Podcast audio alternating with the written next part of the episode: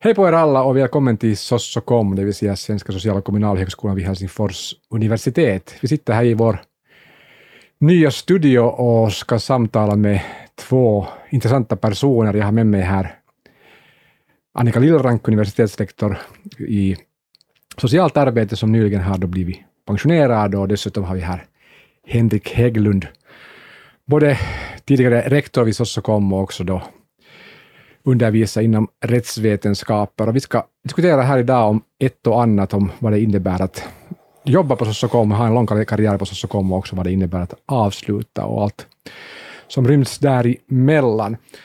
Det där, mitt namn är Harry Lunenberg, jag jobbar här som universitetslektor i socialt arbete och jobbar också med, med frågor som handlar om hur vi kommunicerar med, med samhället eh, vi här på universitetet och, och ett led i det arbetet är att vi jobbar med den här studion och gör intressanta inslag om livet här vid Sossokom.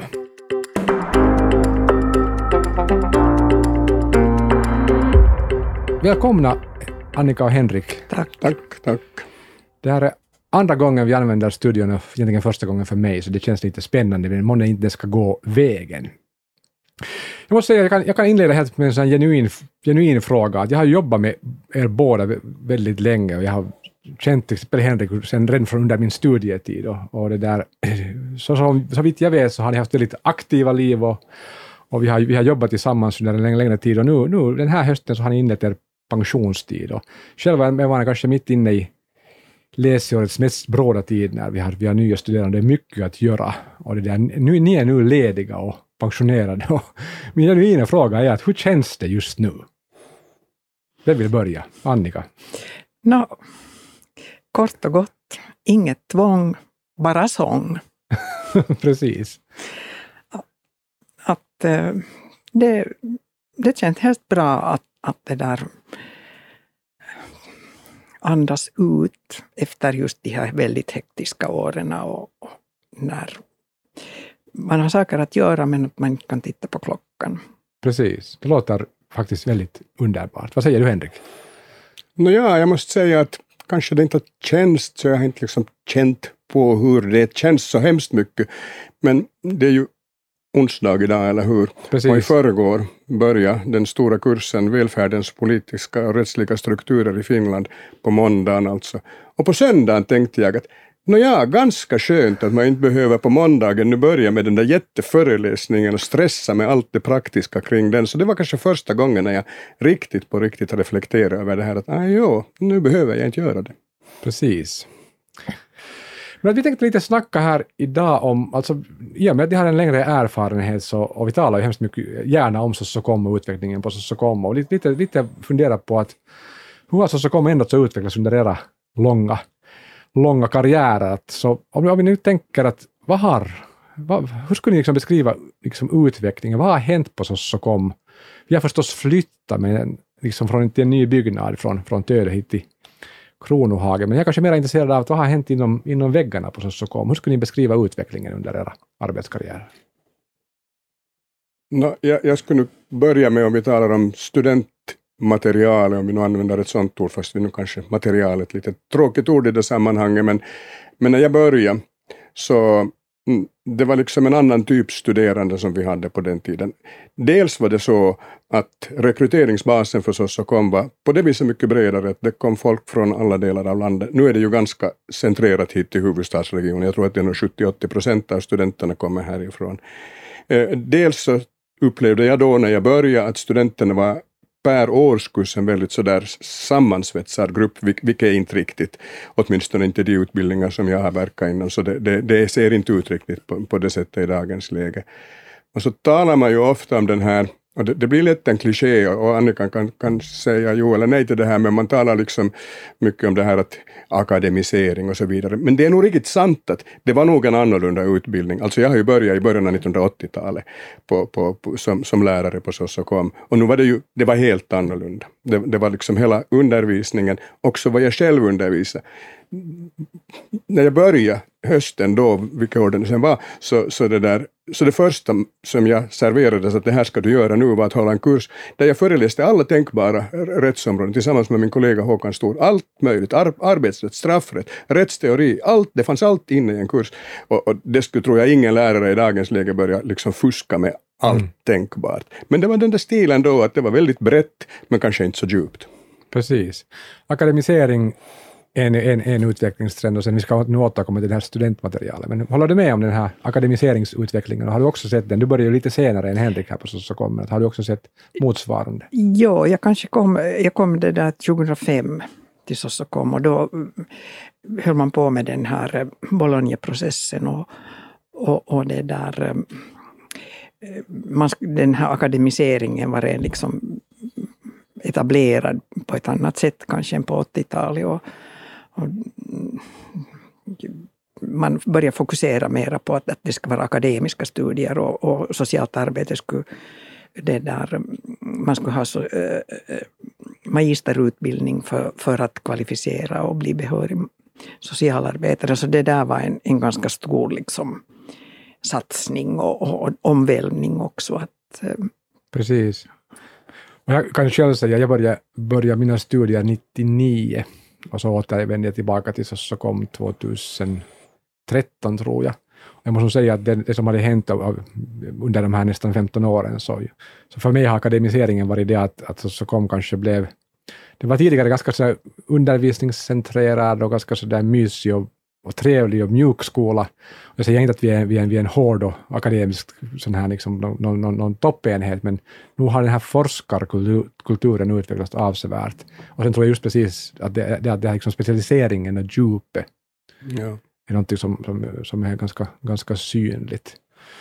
Det där, vad säger ni om den här utvecklingen? Liksom på gott och ont att, att det där liksom att, att va, va, va, man brukar ju ofta säga att det var bättre förr, men att själv är jag ganska övertygad att jo, många saker går vi nog mot rätt riktning, men det är någonting som ni saknar kanske från den gamla goda Sossokom, som vi kanske har gått förlorat, eller eh, man kan också ställa den frågan, är det någonting som är särskilt bra just nu med tanke på tidigare? För det första skulle jag säga det att, att vi måste också liksom se lite bredare på det här med det här akademisering i Sossokom. Att nu, nu är nu Sossokom har sedan 1984 varit en del av Helsingfors universitet och under de här åren efter det så har det i vårt land uppkommit en, en helt ny utbildningssektorn, nämligen yrkeshögskolorna. Och, och det skulle liksom inte riktigt passa att vi håller på i samma gamla hjulspår som var ganska mycket som yrke, som jag antar, jag vet ju inte egentligen, men jag tror att, att liksom yrkeshögskoleutbildningen har mera fokus på det praktiska och, och, och kanske just lite mm, går igenom ett bredare fält men kanske inte riktigt med samma, samma djup som man förutsätter i ett, i ett universitet. Så att, att nu är det ju bättre ur det perspektivet. Nu, nu är det här ju liksom, det är den plats vi ska vara på. Och det, det är liksom den stil vi ska ha här. Ehm, men sen om man tänker på stämningen så det, det, där kommer vi alltid till det där Topeliusgatan. Var nu en lite speciell enhet därför att även om vi hade hört till Helsingfors universitet i många, många år, 25 år innan vi flyttade hit, så, så, så var, var så, så kom lite för sig självt där som en, som en egen enhet. Och det, det gav en sån där viss kanske gemenskapskänsla som särskilt på senare år lite har lösts upp här i och med att den här byggnaden är nu en byggnad för allt möjligt annat än bara Sossokom. Precis. Ja, jag tycker att, att och, tidigare så var, var det relationerna mellan lärare och studenter kanske mera det där, in, intimt är nu fel ord, men att eh, mera sammansvetsat kanske och, och, och, och så där otvungen att nu har eh, studentantalet också blivit större inom socialt arbete och, och, och den här, det har blivit en sån här större distansering också mellan lärare och studenter än vad det var på Topeliusgatans tider. Precis, och det här är något som man lätt kan, kan bli att sakna, den, den där stämningen. Fast jag även tycker att vi fortsättningsvis kanske är en av de enheterna som har de närmaste relationerna till sina studerande. Det är ganska ganska låga trösklar mellan lärare. Ja, ja det ja. tycker jag nog också att inte, inte, inte, liksom inte hade det blir någon sådär extremt Ja. distans mellan, mellan lärare och studenter. Men jag håller nog med Annika här att, att det var kanske ännu, ännu mer sådär. Och särskilt på något vis tycker jag att den där starka årskurs, det var, det var liksom en grupp som man hade på, på ett annat sätt än idag. Idag kommer det studenter, vissa till vissa föreläsningar och andra till andra föreläsningar, men då visste man ungefär att jag kommer att ha de här och också nästa gång och sen följande. Precis. Om vi lite fördjupar oss i den här utvecklingen beträffande studeranden. Och jag börjar ju också vara så pass gammal att jag, jag, jag liksom kan, kan uppleva vissa förändringar i kulturen och, och, och det där. Och, och ungdomarna idag som vi jobbar med är annorlunda än de ungdomar som jag var på 90-talet. Hur skulle ni beskriva liksom studentmaterialet då? Att, uh, hur, har det, hur har det ändrats och utvecklats med åren? Har ni gjort några observationer kring sånt? Ja, nu har jag märkt att de har ändrats och, och, och det där. Men det som kanske, med tanke på socialarbetarstudenter, så är, är kanske nog så där i allmänna drag detsamma att, att eh, människor som vill komma och studera socialt arbete är ganska praktiskt orienterade och, och de är intresserade av, av sådana hands-on liksom jobb. Att, Mm. att, eh, mm, att hur gör man och hur, hur hjälper man människor och, och hur ser den där interaktionen ut. Och, vill gärna ha ganska genast sådana praktiska infallsvinklar i, i vad socialt arbete eh, går ut på. Att, att det tycker jag inte har ändrats, men att sen den här mm, akademiseringen och, och forskningsorienteringen i socialt arbete som är eh, inte så gammal, att eh, man ska läsa forskningsmetodik och, och man ska kunna tillämpa det i sina kandidatstudier och sånt här. Så, så det har nog satt liksom på ett, ett press på studenter Mm. på ett annat sätt än, än jag upplevde att det var tidigare. Precis. Att jag har själv studerat på Sossocom på 70-talet och 74 började jag och sen blev jag 78 blev jag färdig och, och det där, inte alla någon någonting om, om det där, någon forskningsmetodik på den tiden. Nej, precis. Så ditt perspektiv är faktiskt längre då än Henriks. Mm. fast du började jobba, Mm. jobba tidigare. Ja. Hur skulle du kommentera utvecklingen beträffande studerande? Nej, jag tycker att, no, för det första måste jag säga att det var väldigt trevliga studenter då, men jag tycker nog att de här dagens studenter också, jag, jag, jag tycker att det är väldigt lätt att ha en, en positiv och trevlig relation till studenten och de är hemskt artiga och korrekta, och, och, men samtidigt sådär otvungna på ett, på ett trevligt sätt. Så att jag, det är lite annorlunda än det var då, men, men det är nog helt bra faktiskt också nu. Så kanske man i dagens läge faktiskt nog har vi studenter den här akademiseringsprocessen, om vi nu upprepar lite tjatigt det ordet, så, så det där har väl kanske också lett till att vi har med eh, ganska mycket studenter som, som har ambition, som har liksom en akademisk ambition på något vis och som, som vet vad det är att, att ha en akademisk ambition och som också vill, vill få respons på det i, i, det här, i sina studier. Det kanske var lite mindre av det slaget på, på den tiden, av naturliga skäl. Som Annika säger, undervisningen var mer praktisk inriktad och mer sådär på ett sätt lite ytligare. Precis. Ja, alltså det är ju många, framförallt vet jag i matematiska ämnen så har de också funderat på det här att, att, att vad, vad kan de nu för tiden när de kommer till universitetet? Man har ju till exempel varit oroad för både matematikkunskaper och, men också läsning och, och, och läsvanor och så här. Har ni sett någon, någon av den här typen av förändringar? Är det svårare att läsa långa böcker nu än tidigare när alla sitter med sina appar och sina, sina skärmar så att säga? Har ni, har ni sett den här typen av, av utmaningar eller förändringar under era karriärer? Till en viss grad, ja. Att, att det där... Eh, om, om, kanske inte så stort tålamod att, att, med att sätta tid på att läsa eh, en massa böcker. Och för att samhällsvetenskap, är, socialvetenskap är ju sådär ganska baserade Att det, man behöver liksom ta in mycket kunskap och sen absorbera det och försöka um, plocka det väsentliga därifrån. Att, um, ett sådant här konkret exempel är kanske det att jag har haft, kanske de senaste tio åren, så hade jag, gav jag modellfrågor till introduktionskursens STENT. Och, och det där sa att, att det där, läs, förbered er för de här tentorna utgående från de här frågorna. Och, och att, att några av de här frågorna kommer sen i, i, i tentamen. Och, och det där, jag, tänk, jag trodde jag hade en sån tanke bakom det här att, att de, de tar till sig det och de gör det gärna liksom utgående från de här frågorna. Och till att börja med några år så tyckte jag också att, att vitsorderna blev bättre. Men att sen liksom i något skede så märkte jag liksom att eh, jo, jag har frågor, men de, studenter kommer till tentamen, men att sen äh, verkar det som om de ändå inte skulle ha förberett sig utgående från de här frågorna. Att de, de där svaren hade egentligen ingenting, ingen substans på det sättet. Att, att den här trenden tycker jag att har mm. ökat. Mm. Man, man kommer nog upp till tentorna men att man är inte på, på, samma sätt förberedd som tidigare. Eller att det finns åtminstone en, inte alls alla, utan det finns en viss grupp. Precis, en viss polarisering kanske. Ja. Att det finns elever som kanske har, inte elever, studerande som har, har större utmaningar just med läsning. Jag måste säga lite att jag har lite samma erfarenhet. Hur är det med rättsvetenskap? Det är ju Rättsvetenskap är förresten den enda kursen som jag någonsin har hudat och det gjorde det två gånger under min studietid. och det, där, och, men det var hemskt lärorikt, så jag är inte, jag är inte bitter eller arg från, från den erfarenheten. Men har du, att, att läsa lagen är ju inte kanske det, det, det, det som är lättast och det kräver ganska mycket tålamod. Har du observerar någonting i den här stilen som Annika reflekterar här? Mm, no, det är väl lite så att under alla de år som jag har undervisat juridik så har det alltid funnits sådana som tycker att det är nästan omöjligt att läsa lagtexter och det finns det fortfarande idag men det fanns det nog då för länge sedan också.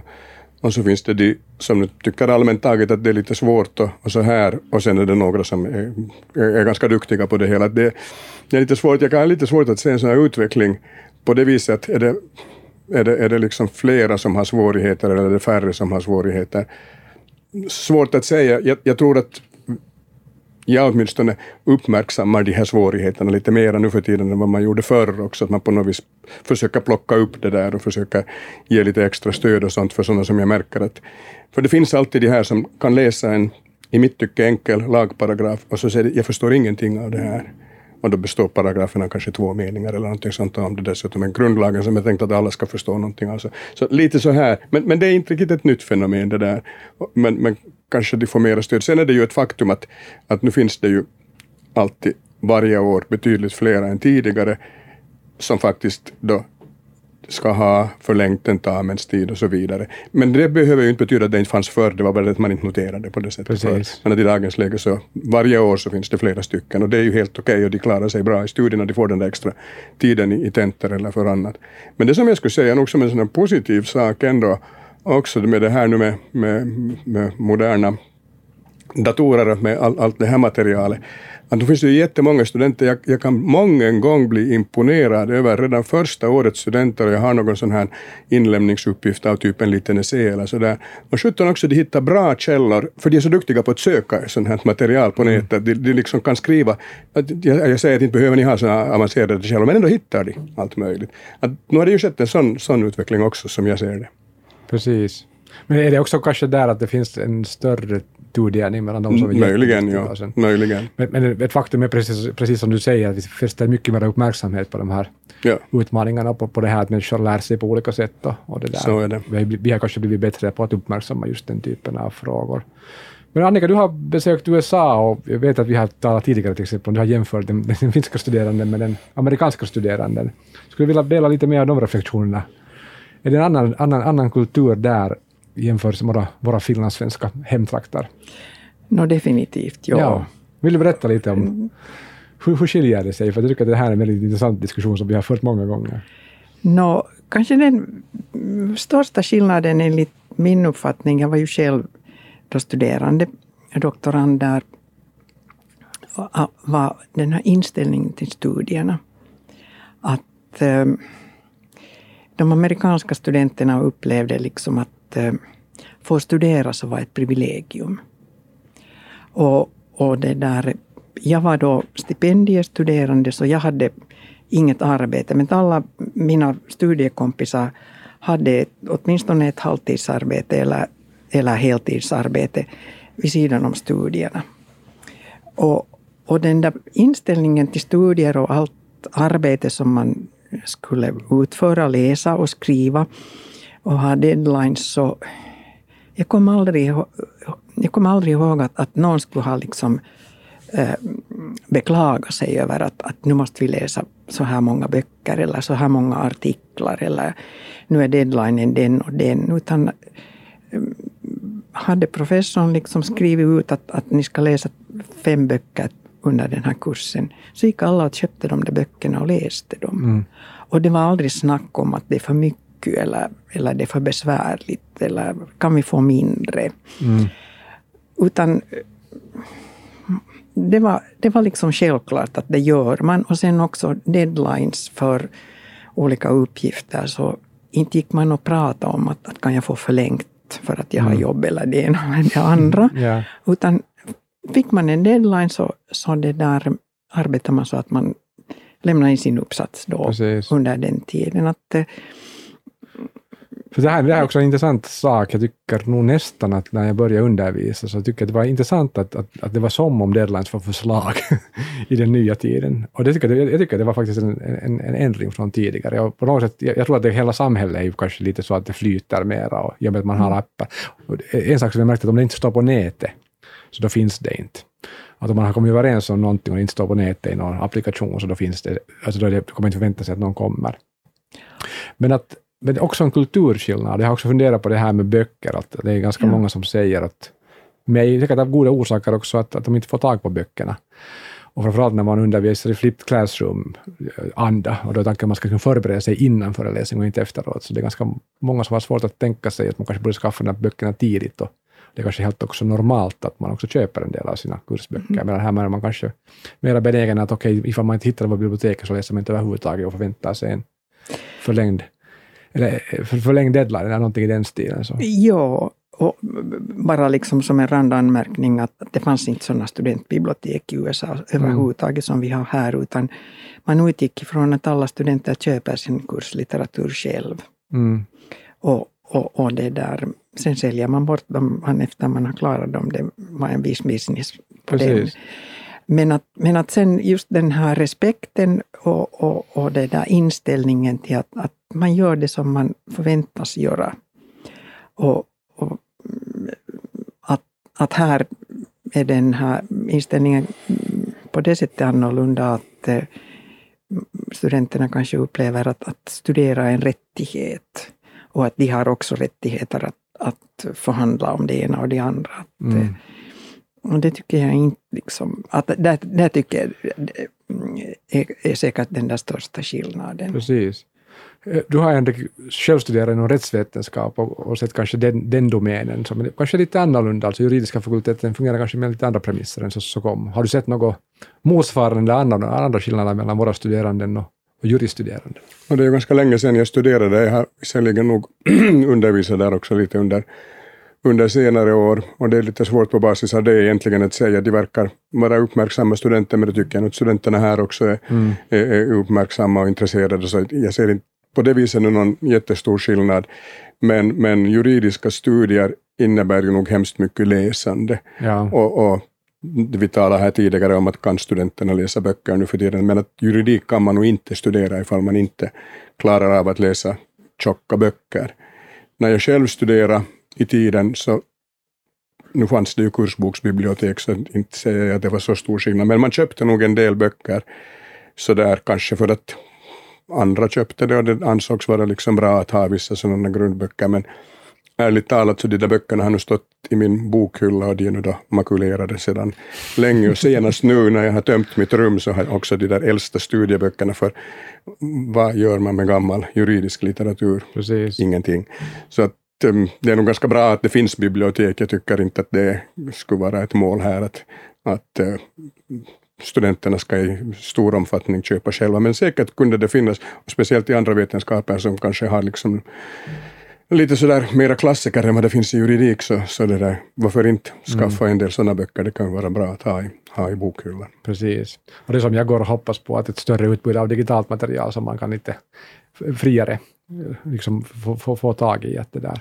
För jag tycker det skulle vara något väldigt viktigt, framförallt det att man liksom då har och jobbar med böckerna längst med kursen och inte sen vid sista stunden just för ett tentamen. Absolut, mm. absolut. Ja.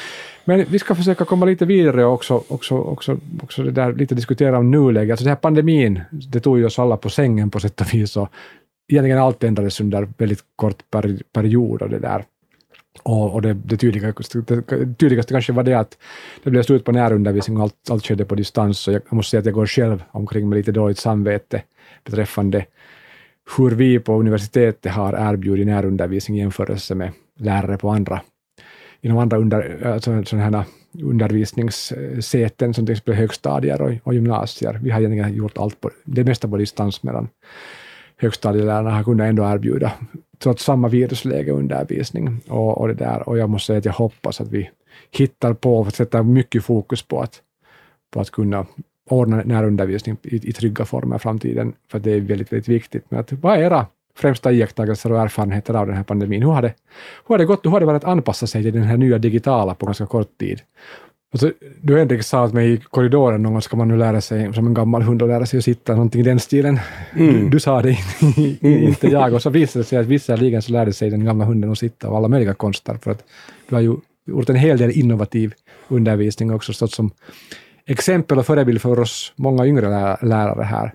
Du var ju framgångsrik med din distansundervisning. No, Vill du berätta lite, lite, lite om hur det, hur det gick till och vad du gjorde och Jo, tack, tack. Det är roligt om, om det har uppfattats som, som positivt också av unga kollegor som du Harry. Det, det, det är trevligt att höra. Först måste jag säga att jag kan liksom återkoppla egentligen här till din första fråga, inser jag nu, nämligen att hur känns det nu att bli pensionär? Att kanske en orsak till att det nu inte känns så där hemskt häftigt annorlunda är ju det att vi har ju suttit hemma Exakt. ett helt år redan. Visserligen vid datorn och glott på den, men, och vi glor kanske lite mindre på datorn nu, men, men, men, men på det viset så har vi ju övat oss i konsten att vara hemma på egen hand. Men, men det där mm, inte har jag egentligen, tycker jag, gjort något sådär hemskt stora tricks i det hela. Att um, det jag har försökt hela tiden är att på något vis jag har använt ordet närvaro. Att, att, liksom, att min närvaro ska kännas precis som i föreläsningssalen här, så ska det på något vis kännas att, att jag är närvarande med studenterna när, när, när jag undervisar, att jag har den där kontakten till studenterna. Och, och No, dels har det förstås att göra hur man föreläser och jag, jag, tycker att man ska ju alltid vara entusiastisk över det som man undervisar och på något vis visa att man tycker om det här och tycker att det är intressant. Och jag tror att man får liksom lite öka på den dosen av entusiasm när man gör det, gör det över Zoom eller någonting sånt här, så att det inte blir det där liksom tråkiga mässande, utan att det känns faktiskt på något vis trevligt och intressant. Eh, men sen också jag har liksom försökt hålla på olika sätt mera, ännu mera kontakt med studenterna också digitalt. Alltså jag har gett mycket feedback på alla deras inlämningsuppgifter, Skri, skrivit en massa kommentarer. Samma sak tentorna som har varit elektroniska, jag har skrivit kommentarer till varenda en student. Och, och det blir liksom ju att det är ju min röst som talar till dem då när jag skriver en kommentar. Hej, du har skrivit ett bra svar, eller hej, det här kunde du ha skrivit bättre, och så förklarar jag. Och, och, och, mm, jag har nog haft ganska många studenter att, att Jo, jag har haft en mottagningstid. Jag tror inte att den enda har liksom tagit kontakt med mig på mottagningstid direkt. Mm. Men däremot ganska mycket studenter som jag har haft olika, som har velat diskutera olika saker och vi har kommit överens om en tid och haft Zoom-möten. Eh, jag tycker liksom den här helheten att, att på något vis sen har jag ju gjort en del sådana mm, liksom inbandade föreläsningar också som de har kunnat, allt har ju dessutom bandats som jag har föreläst, men också sådana mm. i förväg inbandade med, tack, med hjälp från, från Mats här i studion bredvid och så vidare. Så, så på något vis den där, en sån här, en sån här lite så här mångsidig approach där jag försöker skapa en närvaro via, över nätet. Så det är det jag har strävat efter. Och, och, kanske lyckats, kanske inte, men i varje fall på något vis, det, det har varit min målsättning. Precis. Alltså, på något sätt hör jag att det här närvaro är väldigt centralt och det kommer från det engagemanget man faktiskt gör sig tillgänglig på, mm. genom olika mm. kanaler. Mm. Och sen tror jag det att du har faktiskt engagerat dig med den här interaktionen, att det har funnits interaktiva bitar i under undervisningshändelsen. Ja, det har det funnits. Har du faktiskt också svarat på de ja. frågor som har ställts. Det, är, det här är egentligen ett tema som kunde förtjänar helt ett eget, eget samtal. Men om vi nu försöker avrunda och avsluta här så småningom, så, så det här pandemiåret det ju liksom ett, ett sista, sista märkvärdigt år man tänker på i, i er karriär och, och det där.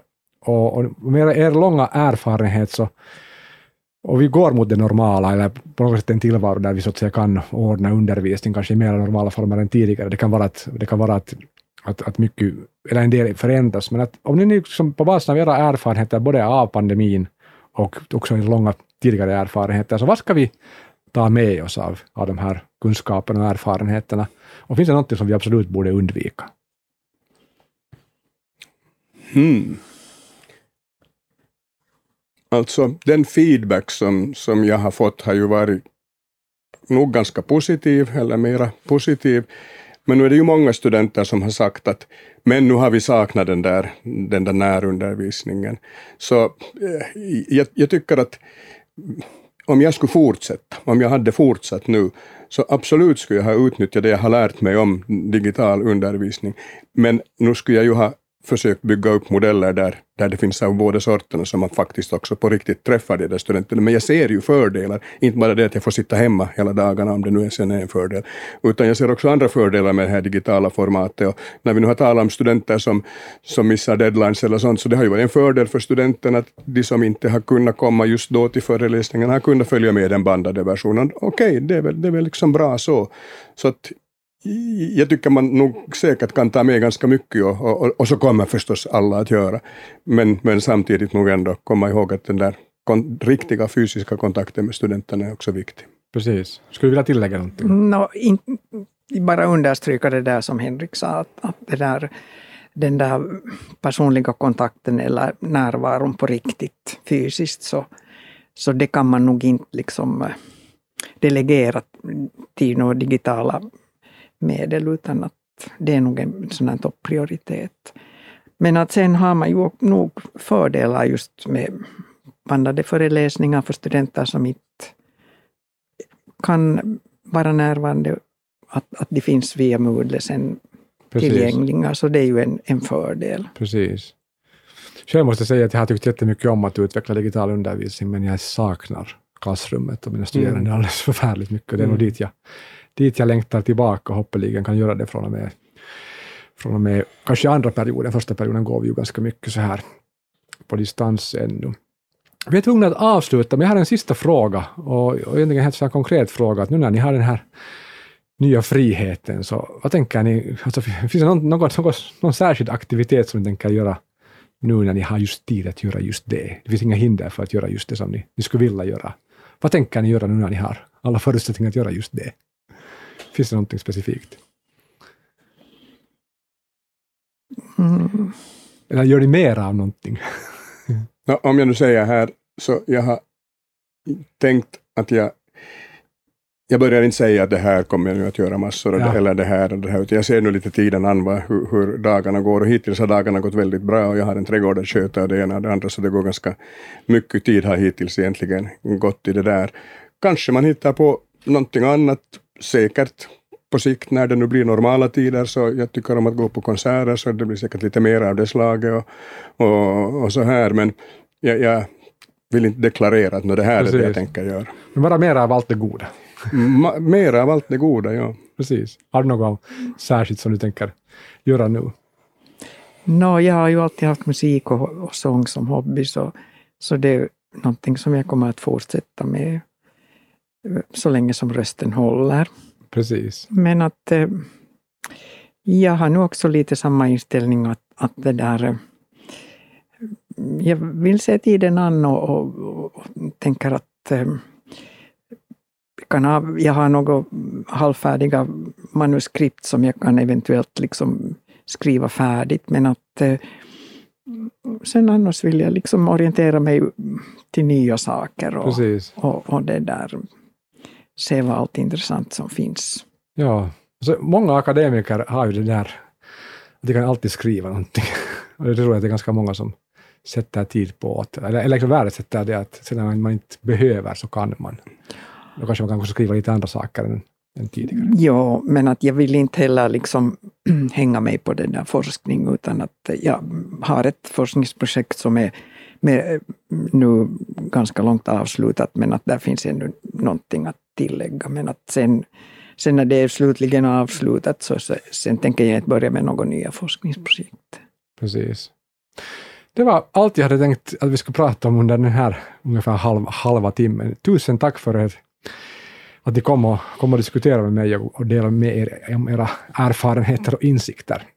Tack själv för att vi blev inbjudna. Ja, tack. Det var roligt att diskutera det här. En spännande ny erfarenhet för oss alla.